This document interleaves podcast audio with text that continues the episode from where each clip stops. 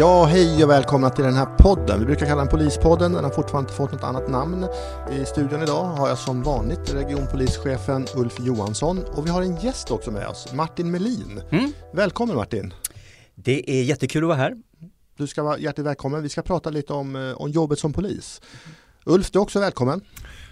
Tack för det. Du, jag undrar, när grep du någon senast? ja, det, det, är länge sedan. Ja. Eh, men jag har gripit folk en Ja. gång i tiden. Kan du bara ge mig en liten, eh, kom du ihåg vem det var du grep och vad du gjorde då? Nej, det gör jag faktiskt in, inte om du går tekniskt på gripandet. Men, men eh, jag har eh, tillfångatagit, eh, om vi kallar det så, en hel del. Eh, även på senare tid. Ja, det Ja. där kanske vi får utveckla i något annat forum. Martin, du är ju säkert känd för, av svenska folket från mer än att vara polis. Du har gjort eh, oändligt många olika saker som jag inte tänkte vi skulle fördjupa oss så mycket idag utan mer polisarbete. När grep du någon senast? Eh, jag grep senast, det gjorde jag för två veckor sedan, ehm, faktiskt. Vad var det då? Vem grep du? Eh, olaga intrång och då säger folk, kan man gripa för olaga intrång? Det är ju inte fängelse i straffskalan. Jo, men vi klassar det här som ett grovt olaga intrång. Mm. Och sen behöver jag inte gå in på var det var någonstans, men Mm. eh, för två veckor sedan. Mm. Det där med att gripa folk är det som många förknippar med att vara polis. Det är det man ser framför sig nästan när man ska låsa in och gripa folk men det är ju så mycket mer. Vi ser ju varje dag eh, poliser i tidningar och i, vi hör poliser i radio och det finns ju även tv-serier som visar hur polisen är. Men jag tänkte vi skulle ändå de här, eh, den här kvarten, 20 minuterna fördjupa oss lite i polisarbetet. Så Ulf, om du börjar, varför blev du polis? Ja, vi hade ju en lång tradition i min familj och eh, de består av poliser, rätt många av mina närmaste. Eh, pappa var polis och eh, hans bröder var också polis. Och på det sättet kom jag in på, på tanken egentligen. Mm. Huvudanledningen tycker jag är en, en tydlig uppgift eh, som är jätteviktig och sen också kamratskapen tycker jag är en otroligt viktig del för att jag har valt eh, polisyrket. Kamratskap är det de kallar för kårandan eller? Eh, ja, det kan man kalla det ibland. Eh, men jag tycker vi har en, en väldigt god gemenskap inom polisen och det är roligt att träffa eh, människorna som jobbar inom polisen dagligen.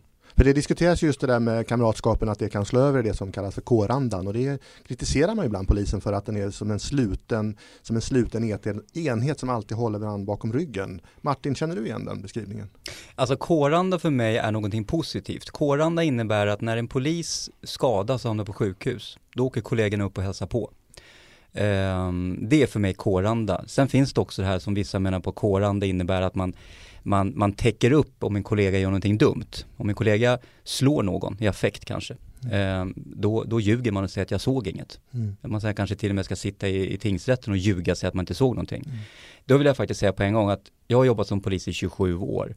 Det där är extremt ovanligt. Idag är det så här att om en polis gör ett fel, då får han eller hon stå för det. Då får hon, då, you're on your own liksom. Mm. Man lämnar en redogörelse, det här är vad jag såg, sen får du förklara. Och om det är så att det är en polis som håller på att slå massa människor i onödan, det är ingen som vill jobba med den människan. Mm. Det är ingen som vill jobba med den polisen. Mm. Eh, så att jag, jag vågar påstå att det här övergrepp, alltså det är extremt ovanligt. Mm. Alltså fysiska övergrepp. Verbala övergrepp, ja det förekommer och det har jag själv begått. Och det är ingenting man är stolt över om man, när man hänger av sig uniformen och åker hem och ligger och ska lägga sig och tänker efter på vad man har gjort det. är inte, man är inte stolt över när man har kallat folk dumma saker, det är man inte. Men du, jag tänker på det du nämner och jag tänker på det också Ulf, att, att den här bilden av polisen eh, som kablas ut, den är inte bara positiv. Man ser ju, man får ju se Youtube-filmer och det filmas, allting filmas ju nu för tiden och, och poliser faktiskt begår eh, ibland, eh, det ser ut som övergrepp i alla fall. Och att leva med den här bilden av sig själv som, eh, som våldsverkare i uniform. Ulf, har du funderat det, på det någonting? Jo men det gör jag mycket och jag tänker, jag jämför svensk polis med övriga poliser i världen och då kan man se att vi står oss enormt väl. Eh, våra poliser är särskilt uttagna, eh, de är särskilt utbildade och håller en väldigt hög kvalitet så vi kan sträcka på oss och vara stolta i den här delen. Och det ska vi vara. Eh, sen när det händer någonting finns det ett system för det och då tar vi hand om det på olika sätt. Mm. Eh, men vi står oss väldigt bra internationellt, det ska vi lyfta fram och jag tror inte vi gör det tillräckligt tillräckligt ofta egentligen. Du Martin, du, eh, när du tittar på polisen lite utifrån, den bild som, som man ser, eh, inklusive det jag nämnde, den kritik som är mot polisen ibland, känner du igen dig själv? jag kanske inte mig själv, men, men, men jag förstår ju den kritik som finns ibland när polisen gör ett dåligt ingripande. Och precis som alla andra, när jag ser de här YouTube-klippen där det uppenbart är ett dåligt polisingripande, ja, jag tycker också att det är jobbigt. Ehm, och i vissa lägen så tror jag faktiskt att de där poliserna som är där och blir filmade också tycker det efteråt. Men det är väldigt, väldigt enkelt att sitta och titta på ett YouTube-klipp. Men när du är i den där situationen, det fan polisarbetet är inte jätteenkelt alltid. Mm. Och nu ska vi inte svartmåla, allt, svartmåla heter det, inte allt för mycket därför att vi får ju också väldigt mycket bilder av det goda polisarbetet. Eh, det, finns, eh, det, det rullar ju tv-program, eh, det finns ju eh, dokumentärer som går och där man får se den breda bilden av polisen. Eh, när jag står och tittar på er två här så ser jag två medelålders män, ganska ljushyade och är, är ju urtypen för det man tänker på polisen. Men Martin, hur ser det ut där ute egentligen? Eh, nej, ja, så här var det ju, så var det ju när, när jag började 1991 och då var det ju, det var ju som sagt svenska män och kvinnor, eh, killar och tjejer som klev in på polishögskolan. Idag, eh, tack, så har vi idag ett, ett, ett annorlunda utseende på våra poliser. Och jag är den första, och med många, många, många poliser med mig, välkomnar poliser som har annan bakgrund. Alltså det är det underlättar så otroligt mycket när man jobbar de här områdena att man har en person som är från Jugoslavien eller från eh, eh, Tunisien eller Libanon eller var de kommer ifrån. Det är fantastiskt alltså. För då, dels så skickar du signaler till de här ungdomarna att titta, han kan, då kan kanske även jag. Och titta, det är inte bara en massa poliser som är rasistiska som kommer hit och, och förstör för oss, utan mer poliser med utländsk bakgrund, de är så välkomna och det, det, idag är det ju ingen som ens rycker på axlarna. Mm. Men jag vet, jag har en, en, en, poliskompis som är mörkhyad och han berättade att det var inte lätt att vara polis och mörkhyad på 90-talet. Mm. Inte även, alltså även inom kåren. Mm. Och man kan också vidga begreppet lite och inte bara titta på härkomst. Vi har ju en ganska, fortfarande sned könsfördelning inom, inom svensk polis. Eh, det är ju svårare att attrahera och anställa kvinnliga poliser jämfört med manliga har det varit historiskt i alla fall. Ulf, du har ju funderat en del på det här med genderfrågan. Ja, man kan säga allmänt då så är det ju för att vi ska lyckas med uppgiften så måste vi spegla samhället och då, då gäller det lika andel män och kvinnor. Det gäller eh, mångfaldsfrågorna i övrigt. Eh, otroligt viktigt om vi operativt ska lyckas. Eh, man kan säga att eh, hur ska vi kunna gå in i, i ett område om vi pratar mångfald eh, som är särskilt prioriterat med, med spanare i, i medelåldern som, som då ska göra ett rimligt jobb. Det fungerar inte längre. Därför måste vi ha mångfalden. Eh, när det gäller kvinnor så har vi jobbat mycket med, med jämställdhetsfrågan då, män kvinnor och eh, framförallt med rekrytering eh, Eh, till chefstjänster men också till uppgifter där, där, vi har ett problem med att vi män väljer andra män eh, när vi då går in i olika eh, viktiga uppdrag eller annat. Och det där försöker vi då skapa en medvetenhet om först och, och sen då försöka åtgärda på olika sätt så att vi hela tiden väljer utifrån kompetens och också för en, en bredd då i laguppställningen kan man säga. Mm. Ja, vi har en bit kvar att gå när det gäller både mångfald och det genusperspektivet att få in fler kvinnor i polisen. En helt annan sak som jag har funderat en del på det är den här bilden av vår verksamhet. Vi som jag sa tidigare kritiseras ju ibland för eh, vad vi gör och hur, eh, hur det är, vad vi, vad, vi, vad vi håller på med. Men även internt Martin så pågår ju en ganska livlig debatt. Du är ju känd, inte minst i sociala medier, för att ha riktat hyfsat eh, stark kritik mot polisen och polisledningen och organisationen. Va, va, kan du utveckla det lite grann här? Ja, alltså någonstans är det så här att jag, jag tycker att vi har en organisation där det är väldigt svårt att nå ända upp från eh, poliserna på fältet. Um, för att det finns väldigt mycket kunskap hos poliserna på fältet och jag tycker inte att den tillvaratas riktigt. Och den stannar någonstans på någon nivå och då når den inte upp. För jag pratar ibland med höga polischefer som Ulf och, och i den nivån. Och då känner de inte riktigt igen det, det problemet som jag, som jag tar upp. Och, och jag, det beror ju på att problemet inte når dem helt enkelt. Mm. Eh, och jag tror att man ska lyssna mycket mer på, alltså om vi har ett prioriterat område och så har vi poliser som jobbar där. Om jag, om jag skulle sitta högt upp i polisledningen, jag skulle åka dit och samla dem en dag och säga så här, vet du vad, nu har ni en timme, hit me.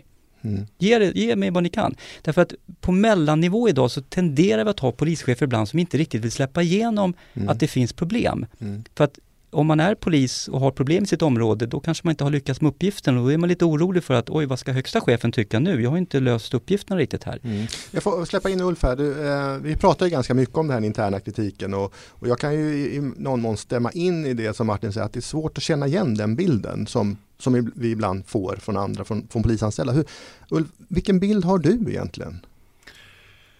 Eh, ja, jag försöker ju röra mig ut i organisationen så där får jag ju en bild när jag träffar folk som Martin säger i, i antingen i yttre miljön eller på deras arbetsplatser. Så det är ju ett sätt att, att lyssna på folk och få upp den. Vad jag kan konstatera är väl att, att eh, glappet mellan linjeorganisationen och cheferna har, upplever jag, blivit större. Mm. Eh, och det tycker jag är ett stort problem egentligen. Och, och vad är lösningen på det? Jo, det är egentligen att vi rör oss tillsammans och att vi träffas och pratar och, och liksom diskuterar olika delar. Sen finns det en annan bit och, och det är också det att eh, vi har en läxa att göra när det gäller att lägga ut mandaterna i organisationen. Så man slipper att dra allting eh, upp i kedjan för att få ett beslut eller någonting. Så att man kan bli eh, Eh, aktiv direkt, ungefär som en radiobilspatrull kan vara två poliser i en, en radiobil kan agera på det mesta som, som de råkar ut för så att säga. Den visionen och få ut mer till mandat och, och, och bra förutsättningar till personalen tror jag är en viktig framtidsfråga. Men du, om vi ska vara lite ärliga här Ulf, eh, ibland när man ser den här kritiken kommer inifrån, inte minst från sådana som, som eh, Martin här, eh, gnisslar du tänderna någon gång? Jo men det gör man väl men, men, man, men samtidigt så, så, är det ju så att man måste lyssna på den här. Jag, jag är, är, till exempel med på Twitter av en viktig anledning bland annat och det är att höra just den här kritiken. Se och höra vad man säger och vad man tycker för att kunna eh, förhålla sig till den egentligen. För den, det går inte att blunda för, för det, den verklighet som man lever i på respektive ställe utan man måste hantera den och hitta vägar, konstruktiva vägar tillsammans. Mm. Och det tycker jag är en viktig del eh, som vi måste jobba väldigt hårt för. Det är att vi gör det här tillsammans. Mm. Det är inte ett lag ut, ett lag in utan det här är en polismyndighet som gör det tillsammans. Mm. Martin, eh, är du på Twitter eller? Ja, jag är på Twitter också. Och jag bara hakar på det Ulf mm. säger att, att jag, det snackas också om så att vi ska ha högt i tak i myndigheten och så här. Och vi som har varit med ett tag vet att det är inte så himla högt i taket. Det är lätt att man blir undanplockad och, och sådana här saker eh, om man är för obekväm och så. Och, men vi ska ändå fortsätta vara det och när man är kritisk uppåt, polischefer måste ju förstå någonstans att det är inte mot person, utan det är mot sak. Um, om folk är, sitter och grejer så här, fan polisledningen fattar ingenting. Det betyder inte att de tycker att Ulf är dum eller dålig på något sätt, utan det är honom i den, egentligen, han får ju stå liksom till svars i egenskap av sin, faktiskt som högsta chef. Um, så att det är ju aldrig person, alltså personligt egentligen det, utan det är ju i egenskapen av, av chef.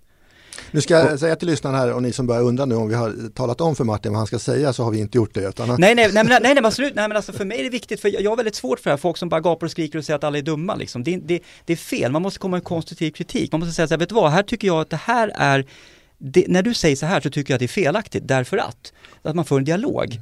Um, och där tycker jag att polisledningen också kan bli bättre. Som sagt, Ulf är ett föredöme, för han finns ju på Twitter och svarar.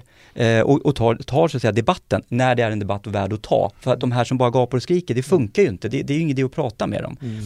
Men jag tycker att vi poliser ska fortsätta att inte vara kritiska, det, alltså det, eller jo, vi ska fortsätta vara kritiska, vi ska inte vara gnälliga, vi ska, vi ska fortsätta säga, tycker vi att någonting är fel ska vi säga det. Mm. För att ingen myndighet mår bra av att ha bara massa ja-sägare och nickedockor, det funkar inte alltså. Mm. Nu ska inte jag gå in och, på massa andra polischefer och för detta polischefer för att eh, jag har väldigt mycket kritik att säga om de kan säga.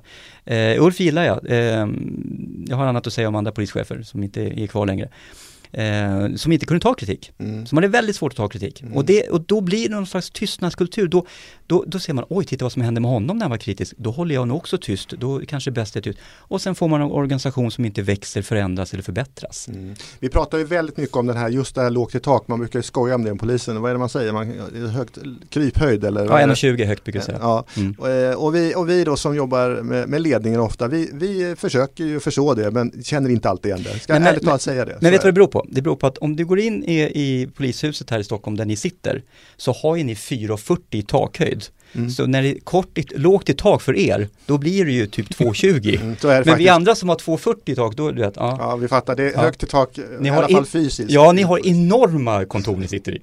Vi släpper kontorsmiljön ett tag. Eh, det här handlar ju om, eh, eh, det här är en podd. Vi har framför mig i studion Ulf Johansson som är regionpolischef och sen har vi som gäst i studion idag Martin Melin som är polis och massa andra saker. Vi pratar om att vara polis. Och Ulf, varför, varför ska man överhuvudtaget vilja vara polis? Eller vad är poängen med att arbeta som polis? Ja, för det första har vi ju eh, världens roligaste jobb tycker jag. Eh, jag har inte haft någon tanke på att söka något annat och jag tänker eh, gå i pension som, som polis. Eh, det, det, är min målsättning. Uppgiften jätteintressant. Eh, väldigt mycket bra människor i organisationen. Möjligheten att möta väldigt många externt ute, allmänhet och annat. Det, det, finns fantastiska möjligheter. Och sen också valmöjligheter inom yrket. Om du har varit på ett ställe eh, under en period så kan du byta till ett annat till ett nästan helt nytt jobb kan man säga. Mm. Martin, du då? Var, varför, eh, vad är det som är så bra med att vara polis? Jag, jag, brukar svara ganska enkelt. Jag har varit polis i 27 år. Det är ju egentligen ett svar nog. Jag, jag har haft jättemånga chanser att sluta och göra annat. Men jag har valt att stanna kvar. Därför att jag älskar det här jobbet. Jag brinner verkligen för att vara polis. Mm. Och precis som Ulf säger, det är ett enormt varierande yrke. Du kan faktiskt göra precis, du kan i princip sitta och flyga helikopter och sen kan du byta till att springa ut i skogen med en hund mm. och sen kan du sitta och utreda grova bedrägerier. Alltså det finns så oändliga mycket arbetsuppgifter att göra. Men om man, om man då ska ändå vidga blicken lite och titta utifrån in på vår verksamhet så ibland kan man ju faktiskt få uppfattningen att det är ett riktigt skitjobb. Eh, dels att det är taskiga arbetstider, dålig lön, eh, man får ingen uppskattning från chefen, det är lågt i tak. Det är obegripligt nästan varför man skulle vilja bli polis. Ja men det där är ju gnället som kommer fram. Och, och då, då, nu, nu, har vi tagit gnället, nu tar vi bort det. Nu lyfter vi fram det här 90% av allt det andra, det som är bra. Eh, nämligen det här att man får uppskattning av chefen när man gör någonting bra. Man får beröm. Man får framförallt allmänhetens beröm när man griper den här väsk väskryckaren och lämnar tillbaka väskan till den här gamla damen. Det, det, eh, otroligt skön känsla. Du har, Ulf pratade tidigare om den här kamratskapen, den är enormt stark kamratskap inom polisen. Du har kul på jobbet, du har fantastiska arbetskamrater. Ofta är man ju, alla är ju ganska lika som är poliser, även fast vi är olika så är vi ändå, vi har någonting gemensamt. Eh, det är tråkningar och det, det, är, det är högt i tak när det kommer till tråkningar. Eh, vilket jag gillar, det, man ger och tar. Um, och sen är det, alltså det, det är, det, det det, ja, det är obekväma arbetstider. Vi jobbar julafton, vi jobbar nätter, vi jobbar helger, eh, vi får jobba över. Eh, och just nu är vi i en situation med den så kallade poliskrisen, mm. då naturligtvis vi poliser måste jobba ännu mer obekväma arbetstider, ännu mer helger och så. Det är klart att den arbetsmiljön är lite jobbig mm. just nu. Jag tror att rent politiskt kommer det ske någon förändring här snart och så att det kommer att bli bättre. Så att de som går idag och tänker på att söka polisen, det kommer bli bättre. Låt er inte avskräckas av allt som pratas om idag vill jag säga. Mm. Ulf, jag tänker på det här med bilden av polisen. Om, när man ser det utifrån så skulle man kunna tro att det är världens sämsta jobb faktiskt. Det är en sak som jag har funderat på. Eh, jag är ju inte polis, jag är ju civil. Jag har tänkt det här, den där känslan av att få bestämma. När man är polis så får man faktiskt bestämma saker. Eh, hur, hur relaterar du till den, Ulf? Ja, det, det, första svaret blir att eh, det är inte viktigt. Eh,